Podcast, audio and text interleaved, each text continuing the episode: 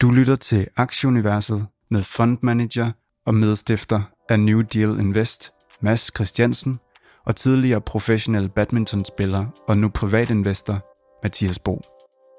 Velkommen til Aktieuniverset.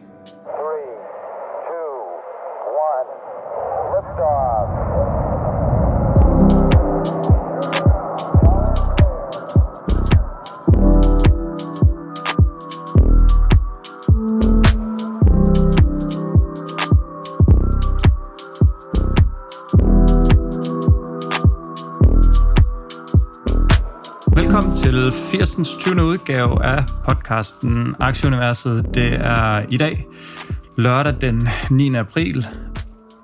Dagens program, Mads, vi skal kigge lidt på Buffett og Musk, der har været på øh, en alvorlig shoppetur.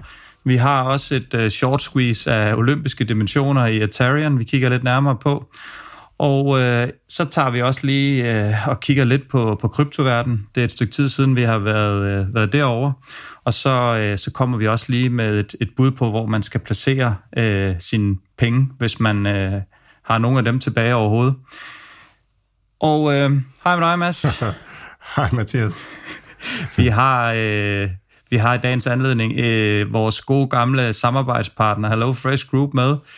Sunde måltidskasser direkte til, til døren. Godt for krop og sjæl og øh, miljøet. Og Mads, kan du ikke lige hurtigt øh, starte med at for, forklare os, hvorfor skal øh, de smukke husmødre, skråstrej husfædre, købe øh, Hello Fresh? Ja, husmøderne skal helt klart købe, fordi at øh, Hello Fresh Group nok har den flotteste øh, founder duo, uh, der findes derude, i hvert fald hvis man er, hvis man er til mænd.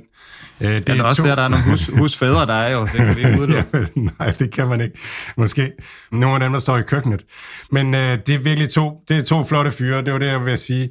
Øh, den ene, Dominik, det er Dominique, det er ham, der, der, der generelt øh, fortæller og er blevet interviewet i, i Patrick O'Shaughnessy's øh, podcast og sådan nogle ting.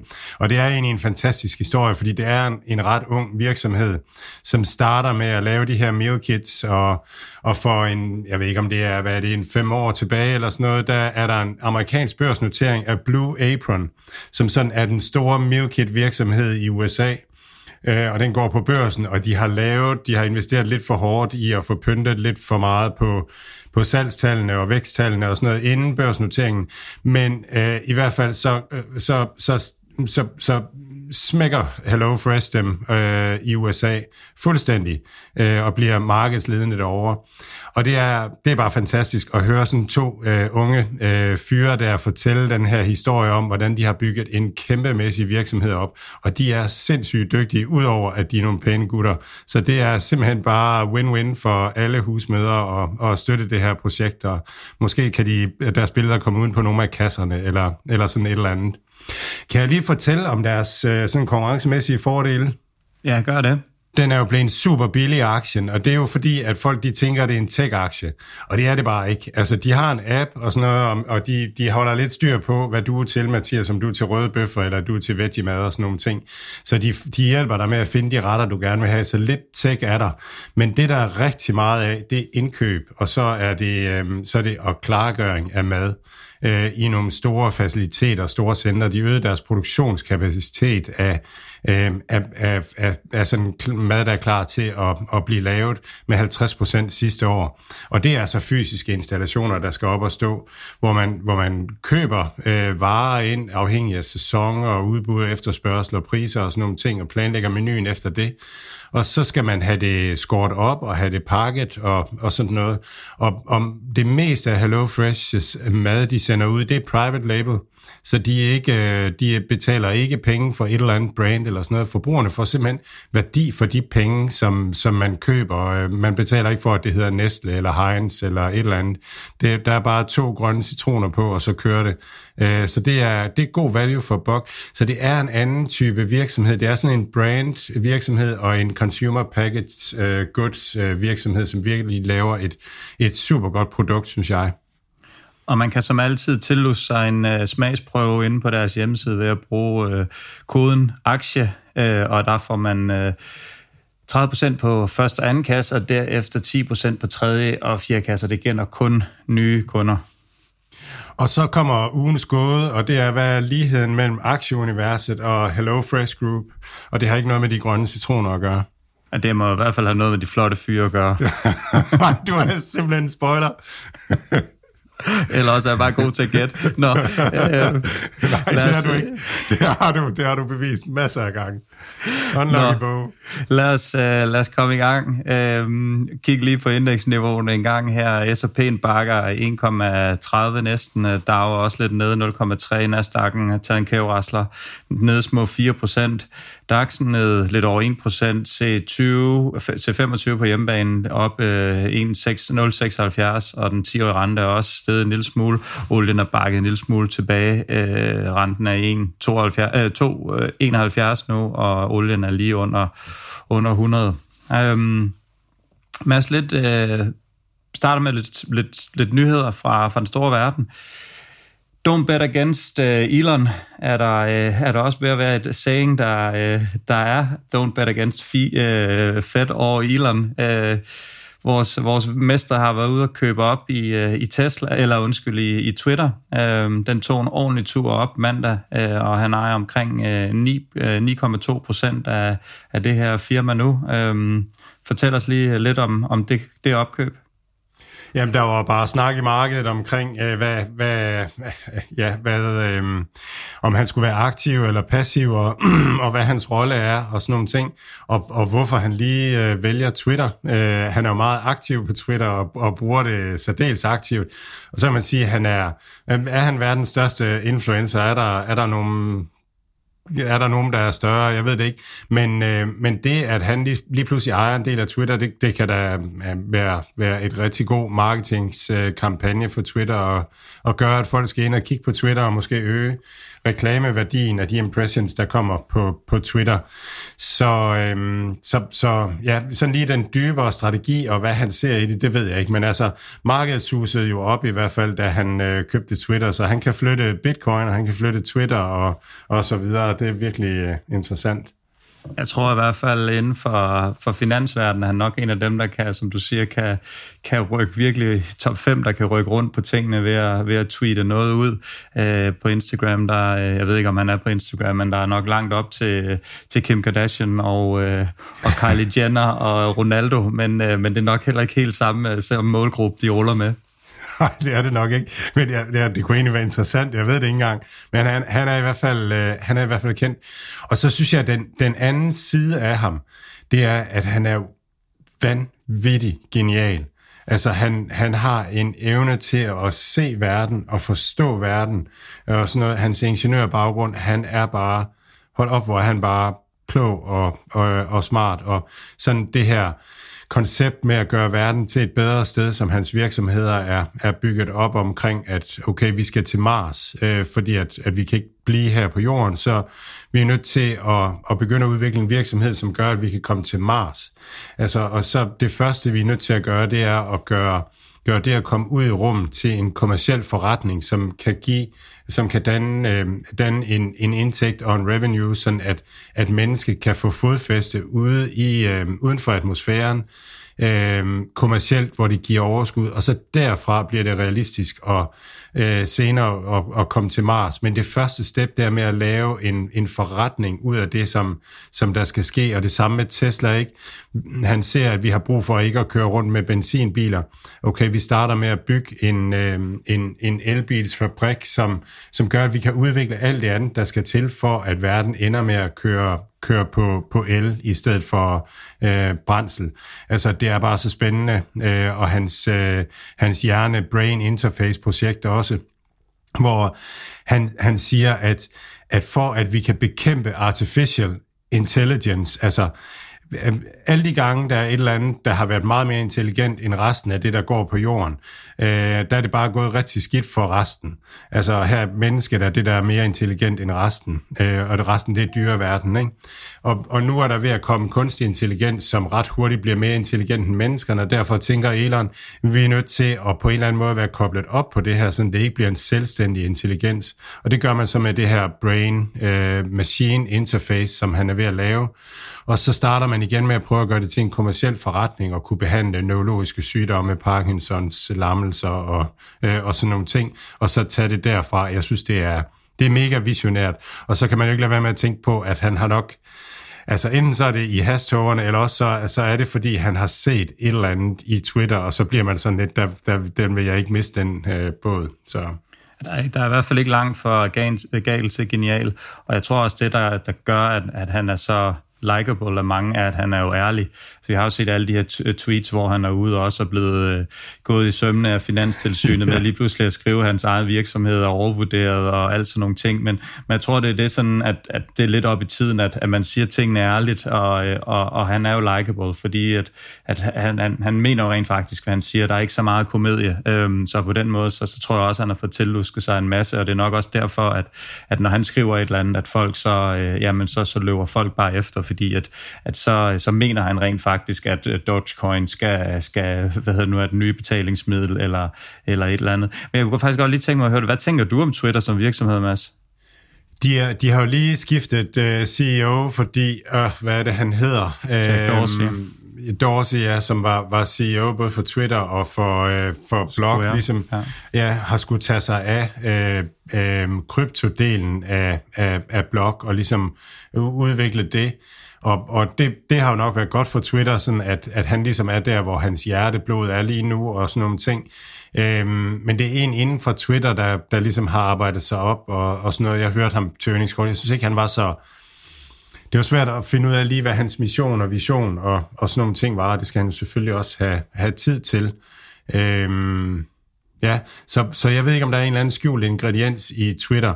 Netop det her med, med at tjene penge på folks indhold. Nu skal vi snakke krypto lidt senere, men men, men det indhold, som folk laver på Twitter, det meste af det laver de jo gratis, tjener aldrig en øre på det. Og når det er sådan, at vi kommer for en Web3-verden, hvor folk kan, kan eje noget af, af, af det revenue, der kommer fra deres indhold, jamen så, så bliver sådan nogle aggregatorer som Twitter øh, jo, jo sådan mindre værdifulde og dårligere forretninger, tænker jeg. Så jeg bare, jeg vil ønske, at jeg, at jeg vidste, hvad det var, der var bag ved Elons. Har du, har du nogen øh, vinkler på det? Nej, jeg, jeg ved det ikke. Jeg, jeg betragter jo Twitter som et lidt mere seriøst øh, medie, måske end Facebook. Der er, der er ikke så meget vrøvl inde på, øh, på Twitter, så, så det, det er i hvert fald til sådan de ting omkring finansverdens og, og forberedelse og, og interesse for specielt det her space, vi er i, der, der bruger jeg Twitter rigtig meget til, til de der, og, og ikke så meget til alle de der øh, sådan tidsspil-ting der, der man er lidt mere, jeg er lidt mere i skole, når jeg er på Twitter, end hvis jeg bare er på Instagram, hvor man sidder og kigger på, på billeder, eller, eller det samme også på, på Facebook, hvor, hvor man også bare sidder og, og kigger på et eller andet, fordi man småkeder sig, så, så er det lidt mere seriøs undervisningskanal Twitter. Øhm, så, så på den måde, så, øh, så er jeg større fan af, af Twitter, end jeg er nogle af de andre.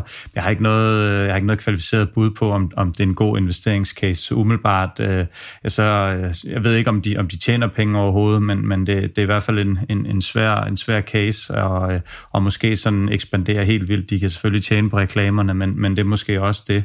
Øh, så, så de skal nok lige have et ben mere at stå på, for at, at sådan investeringsmæssigt, at jeg kan se, at, at de er mere interessante at investere i end, end nogle andre. Ja, ja det, er, det er jo spændende. Jeg, jeg tænker sådan på den værdi, det Twitter skaber for mig. Altså, jeg har de der 230 mennesker, jeg følger rundt omkring i hele verden, som på en eller anden måde kommer med noget super fedt indhold, og som jeg ved, hvem er, og hvordan jeg skal tolke, og den giver mig også direkte adgang til dem, fordi at vi kender hinanden og sådan noget. Hvis, hvis jeg har et, et eller andet problem eller et eller andet, så kan jeg række ud og sådan noget, så, så den er jo Øhm, den har for mig gjort, at, at jeg har kunnet møde en masse mennesker, som, som har øh, skabt en masse værdi øh, for mig, og, og giver mig en masse indsigt i en masse ting, som jeg ville aldrig ane, hvordan jeg skulle have, have fået det på anden måde. Så hvis man på en eller anden måde kan hvad skal man sige, kan tjene bare en lille del af den værdi, som, som Twitter skaber for mig. Altså hvis, hvis, hvis Twitter kommer og sagde, at det du har nu, det skal du altså betale 100 dollar for om, om, om året, altså no problem, 1000 dollar, no problem, 10.000 dollar, formentlig også no problem. Øhm, eller altså, jeg vil ikke have noget valg, øh, 10.000 dollar, det vil ikke, jeg vil synes, det var mega træls, men, men, men det er egentlig så meget værdi, at, at den platform skaber for mig med det her. Altså, jeg ved heller ikke, hvor, hvordan vi to vi skulle finde de nyheder, vi, Altså, altså øh, at lave aktieuniverset uden at have Twitter som, som nyhedsgenerator og, og tool til at find, følge med i verden.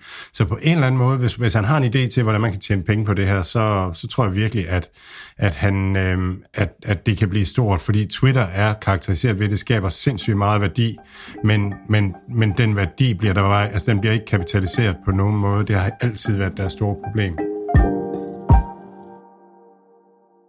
Alt hvad Mads, Mathias og deres gæster siger, er deres egne meninger.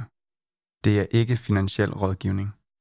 Denne podcast er udelukkende ment som information og skal ikke bruges til at lave beslutninger om investeringer. Mads, Mathias og kunder i New Deal Invest kan have positioner i de virksomheder, der tales om i podcasten. Warren Buffett har også været ude og, øh, og købe op øh, Hewitt Packard øh, af alle firmaer. 11 procent ejer han vist, øh, vist nok nu. Øhm, jeg troede egentlig Hewitt Packard, nu har jeg lige øh, smidt en printer ud, en Hewitt Packard printer ud. Jeg, jeg, jeg troede egentlig, at det var sådan lidt øh, et, et af de virksomheder, som, øh, som måske ikke er så store igen om, om 5-10 øh, år. Har de, øh, hvilke nye produkter har de, Mads? Har, har du nogen indsigt i det? Overhovedet ikke. Nej. Altså, nej, overhovedet ikke. Men øh, nej, nej. Altså, Warren Buffetts rejse har jo været, sådan også via Munger, har, har jo været over i, i, i øhm, i immateriel værdi. Lige så stille Coca-Cola er jo et brand, der er jo ikke ret meget materiel værdi, så, så det var det, de sådan opdagede tidligt, det var at gå fra, fra ren value til at, at have noget brandværdi, og så da de købte Apple, der var det jo på baggrund af netværkseffekterne øh, i Apple, øh, i hvor stik et produkt øh, Apple er.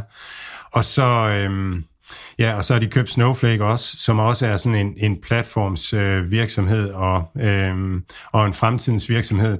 Og så lige pludselig, så har de købt noget, jeg tror også, de købt noget olie, og så har de købt noget, øh, noget Hewlett Packard og sådan noget, som sådan, jeg forstår det ikke. Jeg ved ikke. Jeg, jeg forstår det bare ikke. Jeg ved ikke, hvad, hvad, hvordan, man, hvordan man kommer frem til en pris. Nej, det, det, det ved jeg selvfølgelig heller ikke, men, øh, men man kan sige, at han har i hvert fald historikken med sig, at den gode Buffett, de, de ved godt, hvad de laver derovre, og det er også det, der gør det spændende, at man sådan lige pludselig køber ind i, forstå, at de køber, øh, at de ejer noget bank, eller de ejer noget olie, eller et eller andet, ikke? men at af alle tech-virksomheder, så, så, er det, så er det et umiddelbart sjovt valg, men øh, jeg tænker, at de nok har, der er meget godt styr på, hvad de laver, så, så det kan godt være, at man lige skal, skal kigge med, øh, hvad, hvad der sker sådan i, i Hewlett Packard. Jeg, jeg synes også, at, at de sidste seks måneder, den er op 8 procent. Nej, den er, den er faldet lidt fra toppen, men, øh, men hvad hedder det, har egentlig klaret sig sådan rimelig igennem det her. En, hvis man kan kalde det en tech-virksomhed, så, så har den klaret sig rimelig igennem. Year to date er den, er den op 2 procent i, i, forhold til, i forhold til noget af det andet. Så, så det virker måske mere som om, at de har en lidt mere stabil, øh, stabil case, og det passer også meget godt for hans øh, investerings, øh, investeringstype. Noget, der absolut ikke er stabilt, men ikke desto mindre ekstremt sjovt. Uh, Atarian, 100% stigning i den her uge. Uh, number one short squeeze aktie, øh, uh, PT. Sådan den eneste nyhed, jeg lige sådan har fundet sådan lidt mere med lidt mere, uh, man kan kalde det substans, som man vil, i, er, at de blev udnævnt til, til den 166. 20. hurtigt voksende virksomhed i USA øh, Wall Street Bets øh, inde på Reddit er også inde, inde at pushe det her øh, short squeeze. En gigantisk omsætning i, i aktien i de sidste par dage. Øh, hvad siger du til det, Mads? Det er voldsomt.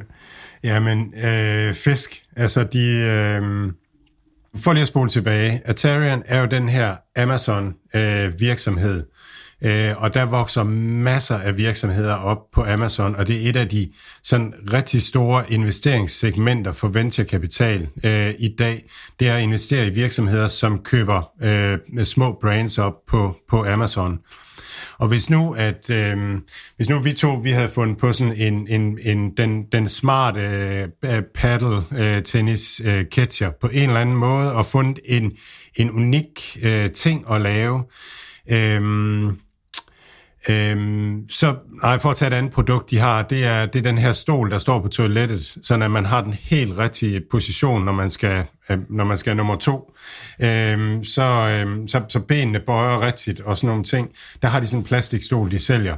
Og det er åbenbart sådan et produkt, der er trendet øh, ud på, på Amazon. Øh, og så ender Atarian med at købe den op, eller, eller nogle af de andre Atarian virksomheder. Og det der er i det, det er, at, at når man har fået sådan en idé, og det, det lige pludselig øh, skalerer, så står man over for øh, konkurrencen på Amazon. Og det handler om, at man skal ligge højt i rankings. Øh, man skal have gode reviews. Man skal altid sørge for at have varerne til den rigtige pris. Man skal holde øje med, om konkurrenterne kommer med en lavere pris og sådan noget. Der er en masse, masse her og nu. Og så er der øh, forskellige øh, kampagner på Amazon og sådan noget. Så det, det, det at, at sælge optimalt på Amazon er, er blevet en kæmpe opgave. Og det at holde logistikken kørende optimalt i forhold til, hvordan markedet udvikler sig, og hvad der er konkurrenter og sådan noget, det er også en kæmpe opgave. Så sådan en, en virksomhed, der har lavet et godt produkt som Trender, de opererer slet ikke øh, Øh, til det potentiale, de kan. Så derfor så kan Atarian købe sådan en virksomhed relativt billigt, og så kan de få den til at tjene meget, meget mere, fordi de optimerer driften. Noget af det, de havde meget af på hylderne øh, for et år siden, det var sådan nogle affugtere og, øh, og sådan nogle store maskiner, aircondition maskiner. Øh, og da, da containerpriserne lige pludselig tog et kæmpe øh, tur i vejret, så var de bare nogle af dem, der blev ramt monsterhårdt, øh, fordi at, at deres produkter bare er kæmpe store. Øh, så lige pludselig så var de ikke de billigste, og der var nogle andre konkurrenter, som fik deres øh, affugtere fra Mexico eller sådan et eller andet, der havde meget bedre forsyningslinjer.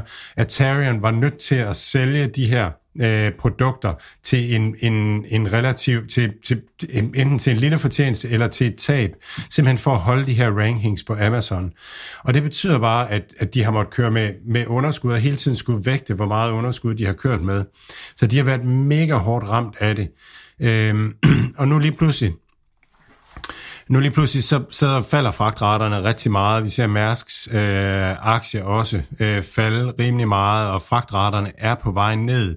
Og jeg har sådan hørt, øh, jeg har hørt ud fra Asien, at, at at, øh, at der er ikke særlig meget rift om at få varesejl fra Asien og, og til Vesten mere. Øh, så forbruget er måske ved at stille af og sådan nogle ting. Så måske begynder markedet at tænke, at containerpriserne bliver lave, og så vil Atarian have en kæmpe konkurrencemæssig fordel igen, fordi de er den store på, på Amazon, og nu er de ikke længere ramt af, af forsyningskædeproblemer. Og så kan man sige, hvad skal den så koste?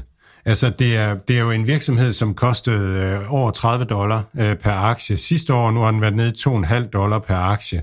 Øhm, og de har godt nok taget nogle penge ind og sådan noget, så der er sket noget fortønding. Men måske er virksomheden noget nær den samme virksomhed som for et år siden, når først de kører. Så jeg vil i hvert fald, hvis jeg var short her øh, til 4 dollar, så vil jeg have sådan, jeg vil være lidt bekymret for, om det kunne blive sådan noget GameStop øh, igen.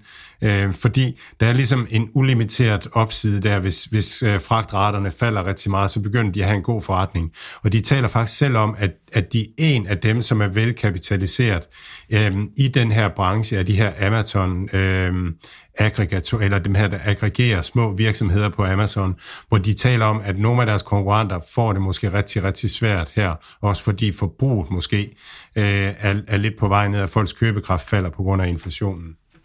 Ikke desto mindre, så øh, når en aktie stiger 100% på en uge, mindre det er et eller andet biotech-aktie, som, som finder en eller anden ny øh, ting, som de sælger, eller noget, så er, det, så er det nogle lidt andre kræfter, end bare, øh, øh, at, at virksomheden klarer sig en lille smule bedre. Så, så man skal i hvert fald være meget forsigtig, hvis man skal i Atarian. Det er, det kan være en rigtig sund virksomhed, som du siger. Det kan være en virksomhed, som er alt for billig i forhold til det her nu, men hvis, hvis markedet beslutter sig for, at, at den skal ned, eller den skal, den skal op, eller et eller andet, så er det den her størrelse af virksomheder, som virkelig er blevet, blevet pushet begge veje. Så, så der skal man i hvert fald lige, øh, hvad hedder det nu, være en lille bit smule forsigtig. Det er det ypperste nærmest, øh, hvad hedder det nu, øh, swing i øjeblikket, som det er på niveau med, med GameStop. Ja, men det er, jeg har selv Atarian, og jeg synes, det er et godt bet at have en lille, lille, en lille et frimærke af Atarian, fordi den kan, den kan godt tidobles. Øhm, og sådan noget. Så Øhm, torsdag så kom der øh, jobtal fra, fra USA, 166.000. Det er det laveste i, øh, undskyld, det næst laveste i, i USA øh, i historien. Øhm, de amerikanerne, de begyndte at shoppe job som aldrig før det øh, typisk, at, at øh, flere amerikanere de får en lønstigning på over 10 procent, hvis de skifter hvis de skifter job. Mange af dem, som, øh, som, som gør det, de, øh, de stiller større krav. De vil gerne have mere flex. Øh, de vil gerne have bedre videre karrieremuligheder i de virksomheder, de søger job i. Så de begynder simpelthen at stille krav. Virksomhederne er lidt på tvang til at, at, øh, at indfri mange af de her, fordi der simpelthen ikke er arbejdskraft nok. To tredjedel af dem, der søger job, de får tilbudt to job eller, eller flere. Så, øh, så det er sådan en, en relativ øh, relativt, man, sige, hvad man kan kalde det ustabil, men i hvert fald en, en speciel situation på det amerikanske marked, og, og det gør det virkelig, presser virksomheden. Man, man hører også nogle lønninger for, for helt almindelige manual labor jobs, som, som er utrolig høje øh, nu her, men, øh, men som vi også snakkede med Andreas Steno om i, i sidste uge, det er klart, når inflationen ligger der, hvor den gør, så har, øh, så har den menige mand ikke anden mulighed end at gå til sin arbejdsgiver og bede om flere penge, og, og lige i øjeblikket, der er, øh, ja, der er det, der er det søgers, søgers marked, og, og, øh, og det får de amerikanske virksomheder øh, lov at betale for. En, en lidt ustabil, lidt urolig situation. Jeg har ikke øh, sådan overblik til at, til at sådan helt forstå, hvordan det, det, sådan, det brede billede er, men, men det er i hvert fald faktum, at, at der, er, der er rigtig godt gang i den i USA med de her ting her, og, og virksomheden er virkelig desperate på, på arbejdskraft. Ja, og det, det er jo en sjov ting, det har, det har jo været, øh, det har været i, i et år eller sådan noget, man har snakket om den her øh, mangel på, på arbejdskraft øh, løbende. Og, og formentlig er det jo mange gigarbejdere, der, der er unge, der strøger ud af økonomien, og, og man taler om de her ældre, som, som ligesom også er droppet ud her på grund af corona og sagt, fint nok, så, så lever vi altså, så lever vi altså af, af, af pengene. Jeg synes, det er en super spændende snak, det her med, hvor, hvor vi skal hen af, og det, ja, det, det bliver jo Altså, ja, det bliver det her med, at bliver, det, bliver økonomien så svag, at, at det bliver svært at få renterne til at stige, og, og kommer inflationen alligevel til at stige? Kommer vi ind i en spiral, eller, eller hvor er vi? Jeg, jeg synes, vi er et mega spændende sted lige nu for, for tech, fordi hvis ikke, hvis ikke vi får de her otte rentestigninger og sådan nogle ting, altså så, så er der priset for meget dårligdom ind i tech. Øhm, og, og så man sige, hvis vi får høj inflation, så er det altså også sjovere at eje nogle virksomheder, som, ja, som, som, som leverer nogle produkter, som der vil være, være mangel på fremadrettet, som ikke er så ramt af arbejdskraft, og som også vokser meget øh, i, et, i et højt inflationært øh, miljø. Så, øh, så jeg tror, tror, vi ligger øh, i den rigtige øh, boldgade i hvert fald også en del af de her tech-virksomheder, som gør, at folk godt kan arbejde øh, fra, fra en, en strandstol på, øh, på Maldiverne, hvis det skulle gå så godt i, øh, i firmaet. Øh, så de er ikke helt lige så sårbare, som, øh, som Walmart er, som skal have folk til at stå nede og, og køre, køre ting ud over øh, kassebåndet. Så på den måde, der, der kunne det også give en lille edge til de her tech-selskaber, som i hvert fald kan imødekomme nogle af de her øh, lidt mere fleksible og work-from-home-situationer, øh, som, som folk efterspørger. Ja, og det her Carlotta Perez framework med, at, at vi, er, vi er i gang med udrulningsfasen af den her øhm, øhm, øh, øh, øh, IT- og telekom-revolution, øh, som kører, og så har vi samtidig fået det her billige entry point. Og vi er i New Deal Invest er vi, er vi, vi arbejder på højtryk lige i øjeblikket og, og øh, kommer ud med med nogle udvidelser i vores øh, produktportefølje her øh, ganske snart, inden for en, en uges tid eller to, så det er virkelig, virkelig spændende tider, og det er, altså det er ligesom om historien bare giver os et fantastisk øh, entry point for at, at tage det næste skridt øh, på den rejse øh, med, med tech generelt, øh, og med de forskellige segmenter inden for tech, så det kommer, det kommer vi til at høre meget mere om. Det er simpelthen så fedt. Øhm, vi har også lidt øh, nyheder fra Delivery Hero. Øhm, de har fået et, øh, et lån igennem. Kan du ikke lige forklare øh, lidt om det, Mads? Jo, de har fået en lånefacilitet på, var det 1,4 milliard, øh, mener jeg det var, øh, som, som de har fået hjem. Og, øh, og så var de ude samtidig at bekræfte, at de vokser omkring 30 procent her i første kvartal. Og det var sådan, det var de to ting, som markedet var bekymret for ved deres, øh, ved deres øh, Q4-regnskab. Det var, kan de overhovedet få, få lån hjem, eller skal de til at, at udstede nye aktier og sådan nogle ting. Og det ser det så ikke ud til. Så aktien har, der, har, har, har taget en, en tur øh, tilbage på, på den baggrund. Jeg kan rigtig godt lide de her platforme, fordi de er så, altså øh, de her udleveringsplatforme lige nu, fordi de er så, de er så udskældte, og markedet kan så, kan så dårligt lide dem. Øh, så, så jeg tror, der er, der er en super spændende opside i dem. Og øh, DoorDash og Google, de har også indgået noget, noget partnerskab. Prøv lige at fortælle om det. Jeg forstår det ikke helt præcis, hvad det egentlig er, men altså, Google har, har jo arbejdet på, at, at alt, hvad man kan søge på på Google, det skal man også kunne købe. Så, så alle, alle søgeresultater, det, det skal egentlig lede til et handelslink.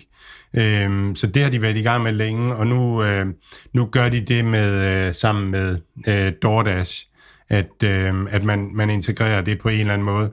Og det tror jeg, der kommer rigtig meget øh, mere af fremadrettet at alle vil forsøge.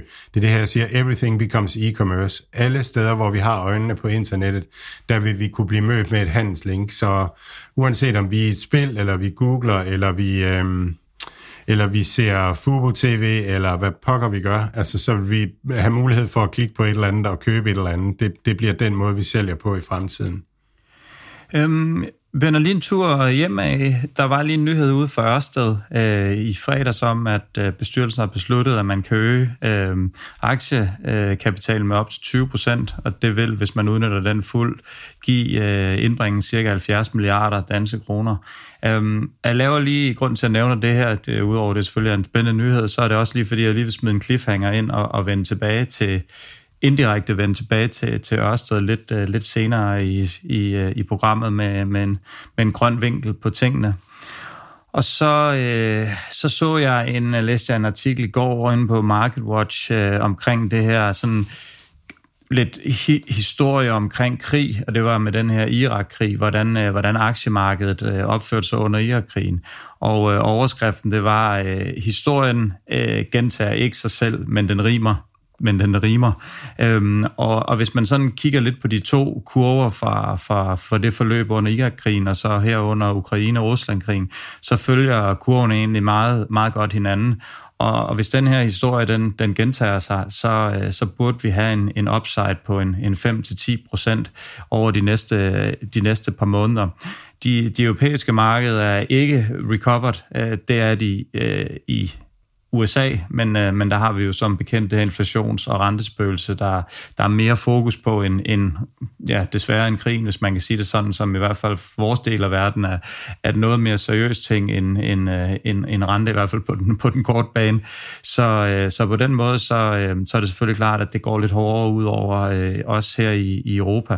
Så Ja, altså det, jeg, jeg ligger ikke så meget i, i, i, i teknisk analyse generelt set, men det, jeg synes, det er sjovt at belyse alle vinkler af de her ting her, og også hvordan, hvordan situationen øh, generelt set er under, under krigen. Så jeg synes, det var, det var et spændende læs i hvert fald.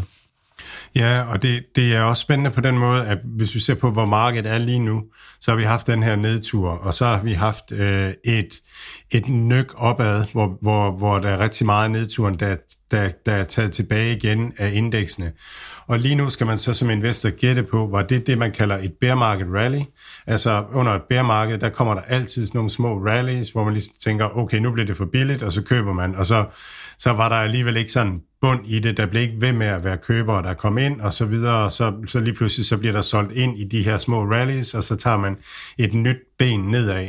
Og den den risiko er der bestemt lige i øjeblikket, for at, at det her det er et bear market rally. Og så er det også, så, men, men på den anden side, så er der det her med, okay, der har været en krig. Hvis, hvis nu, at vi forhåbentlig dog snart får en, en, en god løsning på krigen, og, og vi ikke får alle de her frygtelige scenarier, øh, og der kommer en løsning på nogle af de ting, som, som skaber inflation inden, inden for, for råvarer på en eller anden måde, jamen så, så har vi lige pludselig et, et scenarie, hvor markedet måske godt kunne, kunne fejre det øh, med, noget, med noget styrke. Og så, og så risikerer man altså, hvis man tænker, at det her det er et bear market rally, så risikerer man at, at blive efterladt på perronen øh, i det scenarie. Og det var virkelig det, der skete under øh, coronakrisen, hvor alle de talte om det her med, at markedet, markedet gentester altid bunden, og så videre, og så steg det.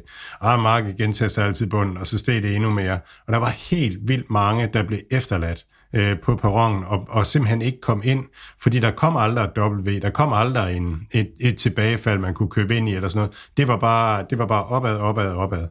Øh, så det er, jeg, jeg, synes, jeg synes, det er så dejligt nemt bare at være langsigtet, og så være investeret, fordi så behøver man ikke at tage stilling til de her ting her, der er så svære at, at tage stilling til.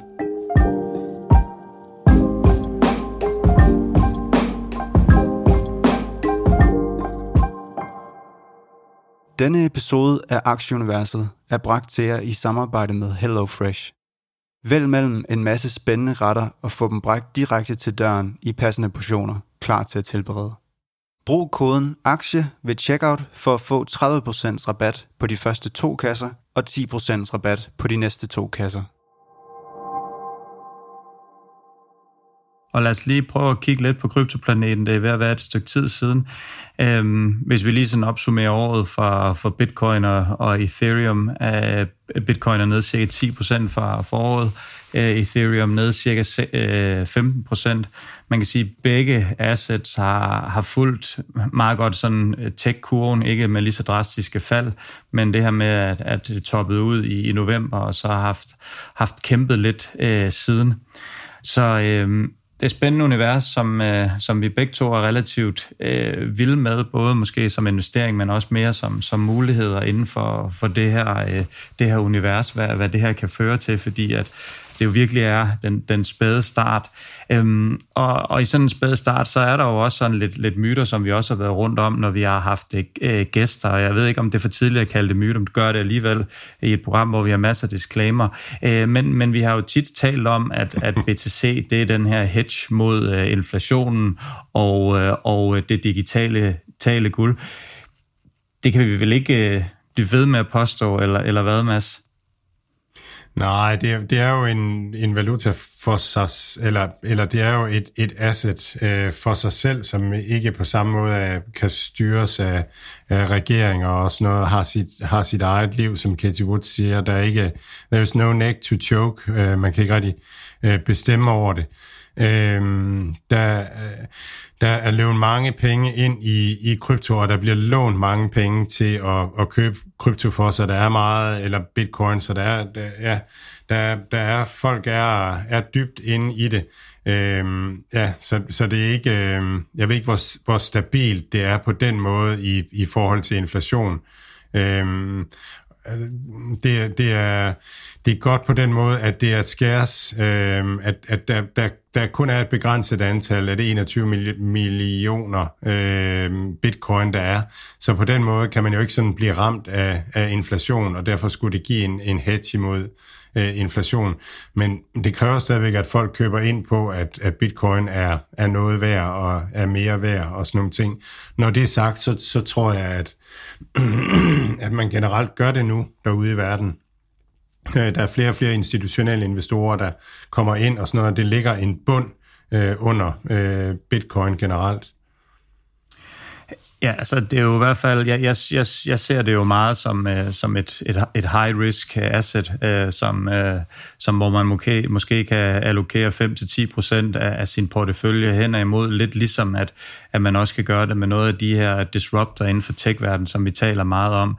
Øh, en, en anden ting, som folk snakker meget om, og som folk bruger som argument for ikke at købe det, det er det her med, at det er, det er meget mere øh, volatilt end, end for eksempel small og midcap øh, tech eller biotech. Øhm, det er vel også noget, som vi kan tale om efterhånden. Jamen, det har, det har til tider været mere stabilt, selvom at, at vi også har set reduktion til op til 50 procent i, i både Ethereum og noget inden for, for måned. Men, men det gør vi jo også i mange af de andre brancher. Det har vi jo også set i, øh, fra, fra november, toppen i november i tech til, til januar, der har vi jo også set 50% reduktion, og så yderligere 20-30% reduktion, øh, reduktion sidenhen der. Så, så det er vel også lidt forsøgt bare at, at bruge det som undskyldning for ikke at købe det, det er, at, at det, er for, det er for volatilt. Ja, og, der, og der, man skal jo se det langsigtet. Det er sindssygt volatilt øh, og, og bevæger sig meget. Øh, Ethereum bevæger sig vist 5% eller sådan noget op og ned øh, hver dag. i. Øh, så det, så det, det er rigtig meget. Øh, så, så man skal have de lange briller på, og så ikke, øh, ikke have tæerne dyppet øh, for meget til at, at være i det. Øhm, så kom jeg, da, da du sådan snakker om det, så kom jeg sådan til at tænke på, at noget af det, der virkelig har sænket øh, tech meget nu her, øh, og gjort, at, at det virkelig har, har taget nogen nedtur, det har jo været, at den her lange varighed på, på, på, på, øh, på virksomhedernes indtjening, at, at den ligger langt ude i fremtiden, så lange obligationer er faldet meget i kurs. Øh, virksomheder med indtjening langt fremme i, i tiden er faldet meget i kurs. Og, og egentlig, så hvis du tager en virksomhed som Ethereum, øh, Solana, Cardano, øh, også Concordium, som, øh, som vi skal snakke om, jamen, så, så ligger deres indtjening også langt ude i fremtiden. Det er unge vækstvirksomheder, men måske er der mange, der tænker dem mere som, som sådan nogle kortsigtede spekuleringsobjekter, og derfor så, så flytter de sig ikke så meget relativt til, til, øh, til, til inflationen. Jeg, jeg ved det ikke. Jeg, jeg, jeg tror ikke, der er nogen, der ved det helt, hvordan, hvordan det flytter sig. Men det, det har i hvert fald været sådan, at, at, øh, at kryptovalutaerne har, har handlet meget ligesom øh, vores tech-aktier her over den sidste tid, og der har også været en, en solid korrektion i kryptovaluta, bare ikke så voldsom som i tech-aktierne generelt. Og øh, apropos øh, Concordium, Mads, øh, du har hørt et, øh, et foredrag med, med Lars Seier. Øh, Øhm, kan du ikke lige prøve at øh, opsummere, hvad, hvad det gik ud på? Jo, jeg var inde og høre Lars Seier fortælle om, øh, om Concordium. Super spændende, god, øh, god fortæller. Øh, og han fulgte lidt med i, øh, i en fodboldkamp samtidig. FC Midtjylland spillede mod, mod en eller anden, så der blev vi også sådan løbende øh, opjusteret på, på, øh, på, hvordan det gik der. Øh, men hans, hans projekt er jo, er jo det, man kalder en Layer 1 øh, øh, øh, blockchain, kryptoprotokol, som, som ligesom skal, skal danne øh, være bunden, øh, være det, som, som øh, World Wide Web øh, er for, for, for internetvirksomheder i dag. Øh, og der, øh, der kommer han med noget nyt i, i, i Concordium, at, at der, der er man ikke længere anonym. Man har over for systemet øh, bekræftet sin identitet. Så det vil sige, at hvis der er en eller anden handel, som man skal indgå i, som kræver, at man er over 18 år, så kan systemet spørge den der identitet, øh, man har lavet, om, om man er over 18 år. Øhm, og systemet kan også spørge til ens køn og til, til, til sådan alle mulige andre ting omkring ens identitet, ens nationalitet og sådan nogle ting. Så der bliver en mulighed for ligesom at lægge nogle regler ind omkring, som, som relaterer sig til, til den fysiske person, man er. Og det er der ikke på, på de andre sådan øh, klassiske øh, blockchain-protokoller, øh, som, som vi kender. Og det er det nye, han kommer med. Det giver jo mening. Han har arbejdet i en bank, som er, er, er, er vant til at arbejde med regulatorer og sådan nogle ting. Så han har lavet en, en blockchain, som, som han siger er, er sådan fremtidssikret i forhold til de regulatoriske øh, tiltag, øh, som måtte komme. Og så har jeg også indtryk af, at, at der virkelig er grebet dybt i lommerne og, øh, og, og smidt rigtig mange øh, forskning- og udviklingskroner i det her projekt.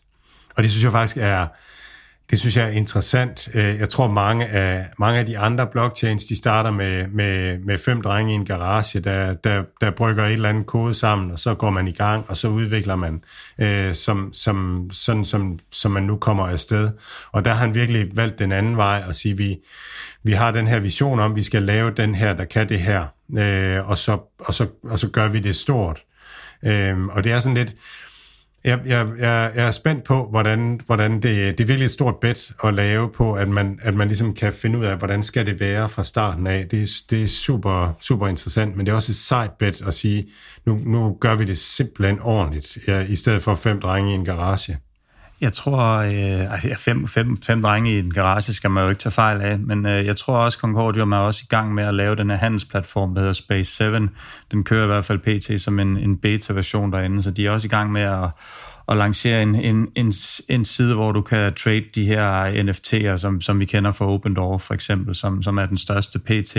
Øhm, så det, der er mange, mange spændende, og det er jo, det er jo godt, at han har lidt, uh, lidt skillinger på kistebunden, fordi at, at det er ikke noget, der er billigt at, at holde i gang det her, og der er nok også måske et, et stykke vej til en, en omsætning og en indtjening i, i, i det her skib, som, som hedder, øh, det her moderskib, som hedder Concordium, men, øh, men øh, ja, ja, det virker som om, han er rimelig dedikeret omkring det, og, og hvis det skal koste ham nogle penge, så, øh, så tror jeg egentlig også, at han er indforstået med det. Ja, og så det han skal nu, det er jo, at han skal ud og skabe awareness om den her platform, og, og skabe use cases og, og sådan noget, for folk til at, at vælge den frem for, for nogle af de andre, for, for uddannet befolkningen til, hvad, hvad er, det, hvad er det, hans platform kan, og hans blockchain kan, og, og hvilke problemer kan de løse, og sådan noget. Det er jo også, det er jo også en stor øh, udfordring, og, og den har jo da også taget et, et ordentligt ned nedad. Men øh, en ting, jeg kom til at tænke på, da, da jeg sad og hørte på det, det var det, var det her med, at, at nu har man en, nu har man et netværk øh, eller en infrastruktur, hvor identitet er kendt, men man, man er stadigvæk anonym langt hen ad vejen. Men man står til ansvar for det, det man gør. Øhm, og, og så havde vi jo øh, så havde vi Jannik Malling, som jo også kommer fra Saxo Bank, øh, der fortalte om hans public.com, øh, øh, i, hvad er det, snart et år siden, vi havde ham med og interviewet ham, hvor han fortalte om, om hans platform Public, som er øh, en handelsplatform for aktier, øh, hvor man kan handle dele af aktier og sådan nogle ting. Men, men det fede, det var, at hans strategi og hans vision, det var egentlig at hjælpe brugerne til at gøre alt det rigtige. Øh, langsigtet investering og buy and hold og sådan nogle ting. Så noget af det, han fortalte om også, det var, at at de havde et socialt netværk også, hvor man kunne følge hinanden og hjælpe hinanden med at finde de rigtige investeringer og sådan noget. Og det netværk, der var man jo den identitet, man var, fordi det var public.com, så det var koblet op på ens øh, handelskonto, og der havde man uploadet sit pas og sit sygesikring, så der var man altså Mathias Bo og Mads Christiansen, når det var sådan, at, at man sagde sin mening om hint og dint ude i cyberspace, og han fortalte det der med, at man kunne faktisk have politiske diskussioner på deres... Øh, sociale platform, uden at det sådan kørte af sport, og det er simpelthen fordi, at, at, at det var hægtet op på en personlighed. Så der er de der forskellige niveauer af, hvordan er man en person på, på internettet, hvor på Concordium bliver man anonym, men man er der juridisk set på, øh, på public, er man, er, man, er man offentligt den, man er øh, og sådan noget. Det synes jeg er super spændende, hvordan, hvordan det løber af staben. Jeg tror virkelig, vi trænger til, at man er den, man er, også i cyberspace, at man ikke øh, kan være en anden og så sige en masse dumt. Men sidste øh, gerne lige være med i, i dagens, øh, dagens udsendelse. Øh, Lige lidt om, om strategi, lidt om, øh, om fremtiden og, øh, og så videre. Det er jo ikke nogen hemmelighed, at vi her de sidste 4-5 måneder er, er blevet slået til plukfisk. Øh, de er, øh, good old days med, med, med 20% stigning om måneden i, i diverse tech-aktier øh, og så videre. Det, det virker til, at, at det i første omgang i hvert fald er, er overstået. Øh, nu her, der er man ligesom sådan begyndt at vende sig til at være gul og blå om øjnene, og, øh, og, og man kan sådan efterhånden begynde at, at trække vejret lidt igen. Øhm, og, og så er det jo også ved at være tid, når man ligesom er kommet ud af det her fly, flyverskjul, ligesom at prøve at lægge sig en, en strategi. Det er jo en, en stor del af det. Hvad vil man nu, øh, og hvor vil man placere sine penge, hvis, hvis man har nogen? Jeg har det som personligt, der er mere eller mindre fuldt øh, øh, eksponeret mod aktiemarkedet. Det, som jeg, som jeg har, er, er, er, hvad det nu, er, er pt. ude med. Så, så pengekassen, den er sådan lidt tom. Jeg har selvfølgelig sådan en mulighed for at, at give min portefølje en, en lille smule det tror jeg egentlig heller ikke, at jeg, jeg er bange for, men, men som, du også, øh, som, som du også snakkede om tidligere, vi skal lige være, være sikre på, at det ikke er et, et, bear, øh, et bear market rally, og, og så kommer det gode spørgsmål, hvornår man så sikker på det. Det er man ikke, men, øh, men man skal jo finde et eller andet sted, hvor man føler, jamen her tør jeg godt at, at komme ind, og det gælder både investorer, som er eksponeret, som også, hvis man skal en lånepenge, som, som måske er jeg lidt ude i, eller man, man, man får en udbetalt en eller anden øh, check, fordi man øh, man, øh, man har et arbejde. Øhm, så skal man ligesom finde ud af, hvornår at, at man ligesom tænker, nu er det er det øh, tiden til at købe, og, og frem for alt, så skal man jo finde ud af, hvad, øh, hvad man gerne vil købe. Og øh, det kan vi lige snakke en lille smule om. Hvis, øh, hvis jeg havde nogle penge, eller hvis jeg var ung investor, som, øh, som havde en aktiesparekonto og, og havde nogle penge, som, som der kom ind nu her, så, øh, så synes jeg, pt. De, de spots, som, som kalder på køb, der har jeg to. Øhm, et, det er, det er clean energy, den her trend, som vi har talt meget om, som, som, øh, som en debat, som har været ja, altså talk of the town de sidste mange år med, hvis jeg gør det, og har så fået et, et skub af et, et kæmpe skub her efter energikrisen med Rusland og Ukraine, og det her med, at vi ikke skal være for afhængige af alle mulige andre. Men, øh, men omvendt må vi også øh, vi må også konstatere, at vi er rigtig, rigtig langt fra at have nogle, øh, nogle grønne øh, CO2-neutrale energikilder, som, øh, som kan producere den, den strøm og energi, vi, øh, vi bruger. Vi hører tit politikerne snakke om, at vi skal være CO2-neutrale allerede om 10 år i Danmark. Øh, det, det, vil, det, vil, det vil utopi at tro, det er, det er muligt overhovedet at, at have noget i og med, at, at de grønne energikilder, vi pt. har, er, er relativt øh, ineffektive. Øh, og netop på grund af, at de er øh, ineffektive, så, så synes jeg, at det bedste spot at gøre med de her, det er at, at købe en ETF, så, så hvis der skulle opstå et eller andet nyt, jamen så er det noget, den her ETF vil tage højde for at øh, komme med, så det ikke er, man kun er investeret i, i Ørsted og, øh, og Vestas for eksempel, som, som PT er en af de to store aktier i, i den her ETF. Og det er også derfor, jeg har lavet en cliffhanger til, til Ørsted. Det er jo også det, de godt ved, i og med, at de har fået muligheden for at trykke på, på speederen med 70 milliarder kroner, hvis de ser et eller andet, som de skal ud og købe med det samme, i stedet for at der så skal holdes ekstra generalforsamling, og aktionærerne skal vide, så ved de allerede, at de penge er sikret til at gå ud og investere.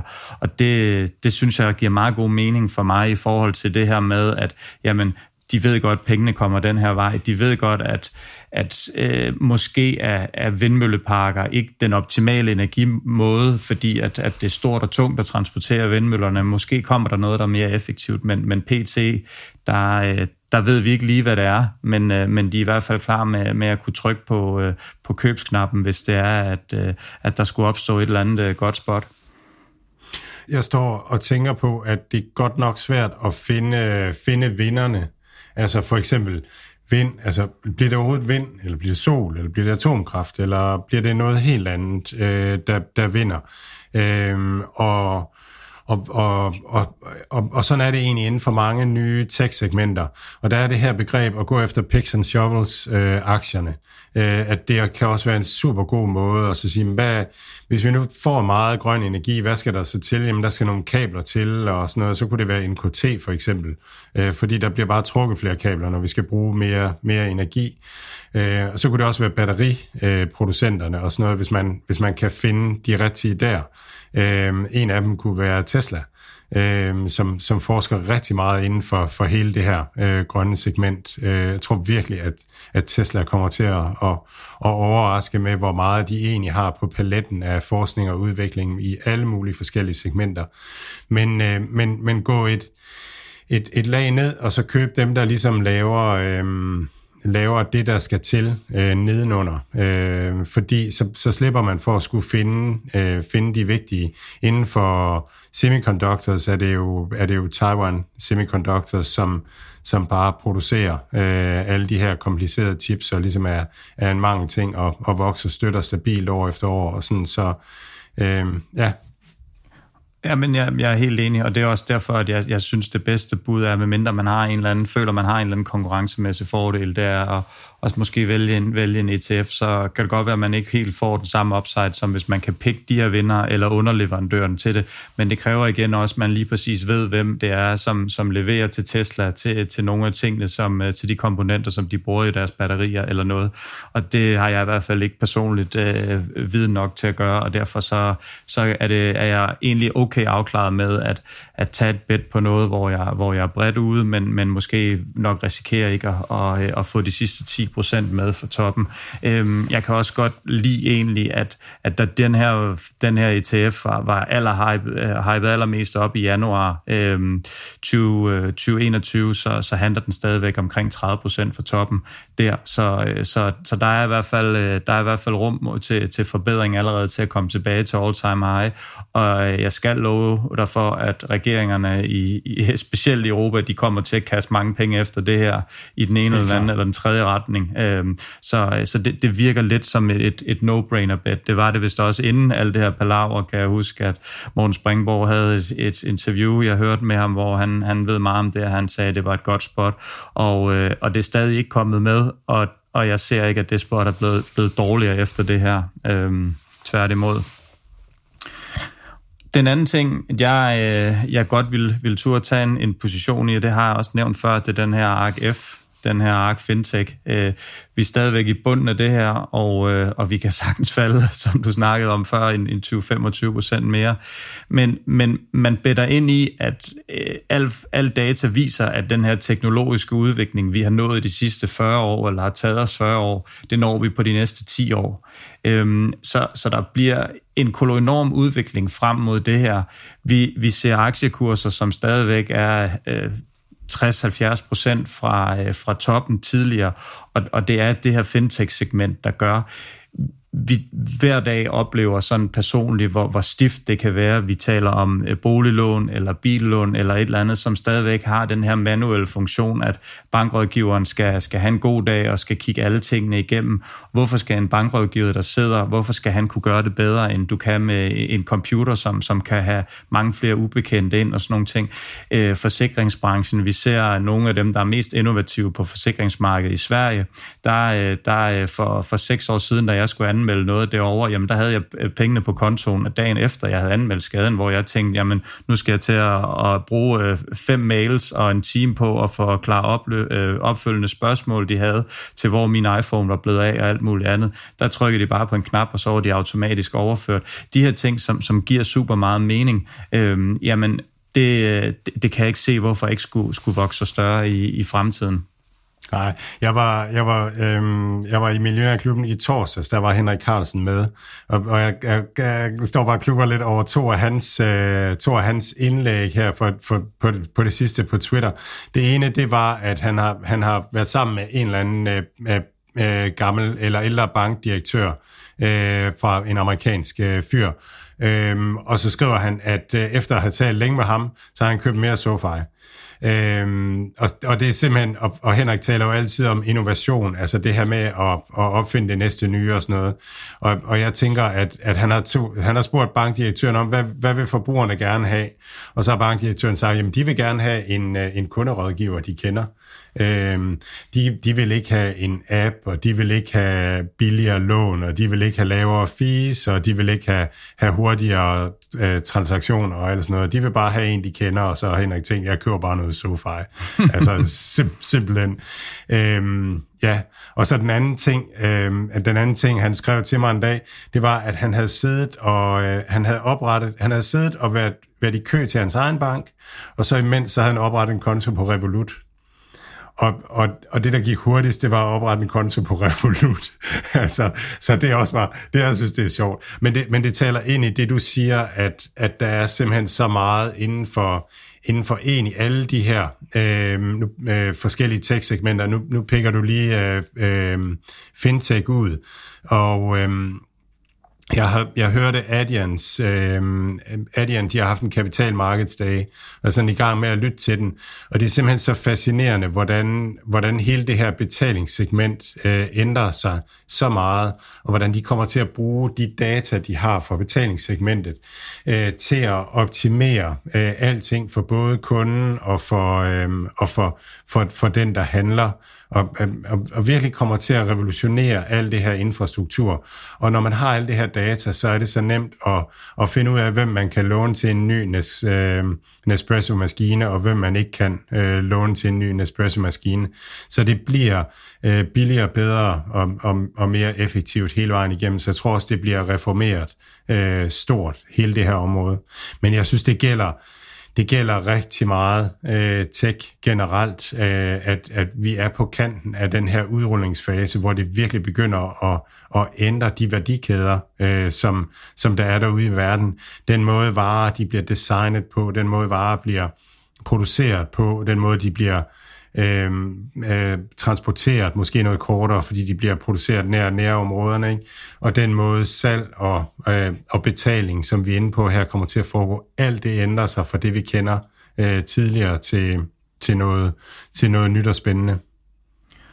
Og grunden til, at jeg lige vil pege på den her ARK F, jeg, jeg synes, de underliggende aktiver, det er nogle af dem, som vi taler meget om. Vi har Square, der altså Block er deres største position, øh, C-Limited er også i deres. Det er nogle af de her virksomheder, som, som jeg måske har lidt mere kendskab til, og som, som i hvert fald for mig giver en eller anden mening, at jeg kan sidde og fortælle om den her virksomhed, og, og fortælle, at den, den løser et eller andet problem. Øhm, jeg, øh, jeg er relativt stort fan af, af Cathy Woods, men, men ikke, ikke, ikke, ikke, ikke mere end det, men, men omvendt, så må jeg også nok erkende, at hun har bedre forudsætninger for at pikke de her virksomheder og pikke disruptorne øh, i, i hendes kæmpe fond med, med diverse analytikere og sådan nogle ting. Så, så for mig selv at kaste mig ud i at skulle lige præcis vide, hvad, hvad er dem her, der, der gør det, det, det har jeg egentlig lidt tiltro til, at det har hun mere styr på og, og kender den her fintech-verden bedre end mig. Så jeg synes egentlig, at, at det virker som et, et fornuftigt køb. Øhm, vi maler tit det billede af, at man, man køber noget, og så... Øh, så lægger man sin telefon, og så råber man ud på en øde ø. øh, og, og både med, med, med clean energy og, og så den her øh, disruption-verden, vil ligesom kan have, det vil jeg i hvert fald med, med ro i sindet ligge ude på en øde ø og, øh, og, og slikke sol og tænke, at når jeg kommer tilbage fem år efter, så, så er jeg meget, meget overbevist om, at, at, øh, at de to øh, fonde her, som jeg lige har nævnt, har en, en højere værdi, end, end de har pt. Helt sikkert. Vi, vi, jeg tror, vi er på det her super spændende tidspunkt i historien med hensyn til det. Mads, jeg tror, det var ordene for, øh, for dagens udgave. Øh, medmindre du lige har noget her på falderæbet. Nej, nej. Jeg er meget opslugt af, nu siger du Cathy Woods og sådan noget, så jeg er bare meget opslugt af, af, af vores proces i New Deal Invest, øh, som kommer til at minde en del om, om det, de gør derovre. Så det, det er mega sjovt øh, at bygge. Det glæder vi os til at høre mere om. Uh, Mads, og til alle lytterne, rigtig god weekend derude, og vi er naturligvis tilbage næste lørdag.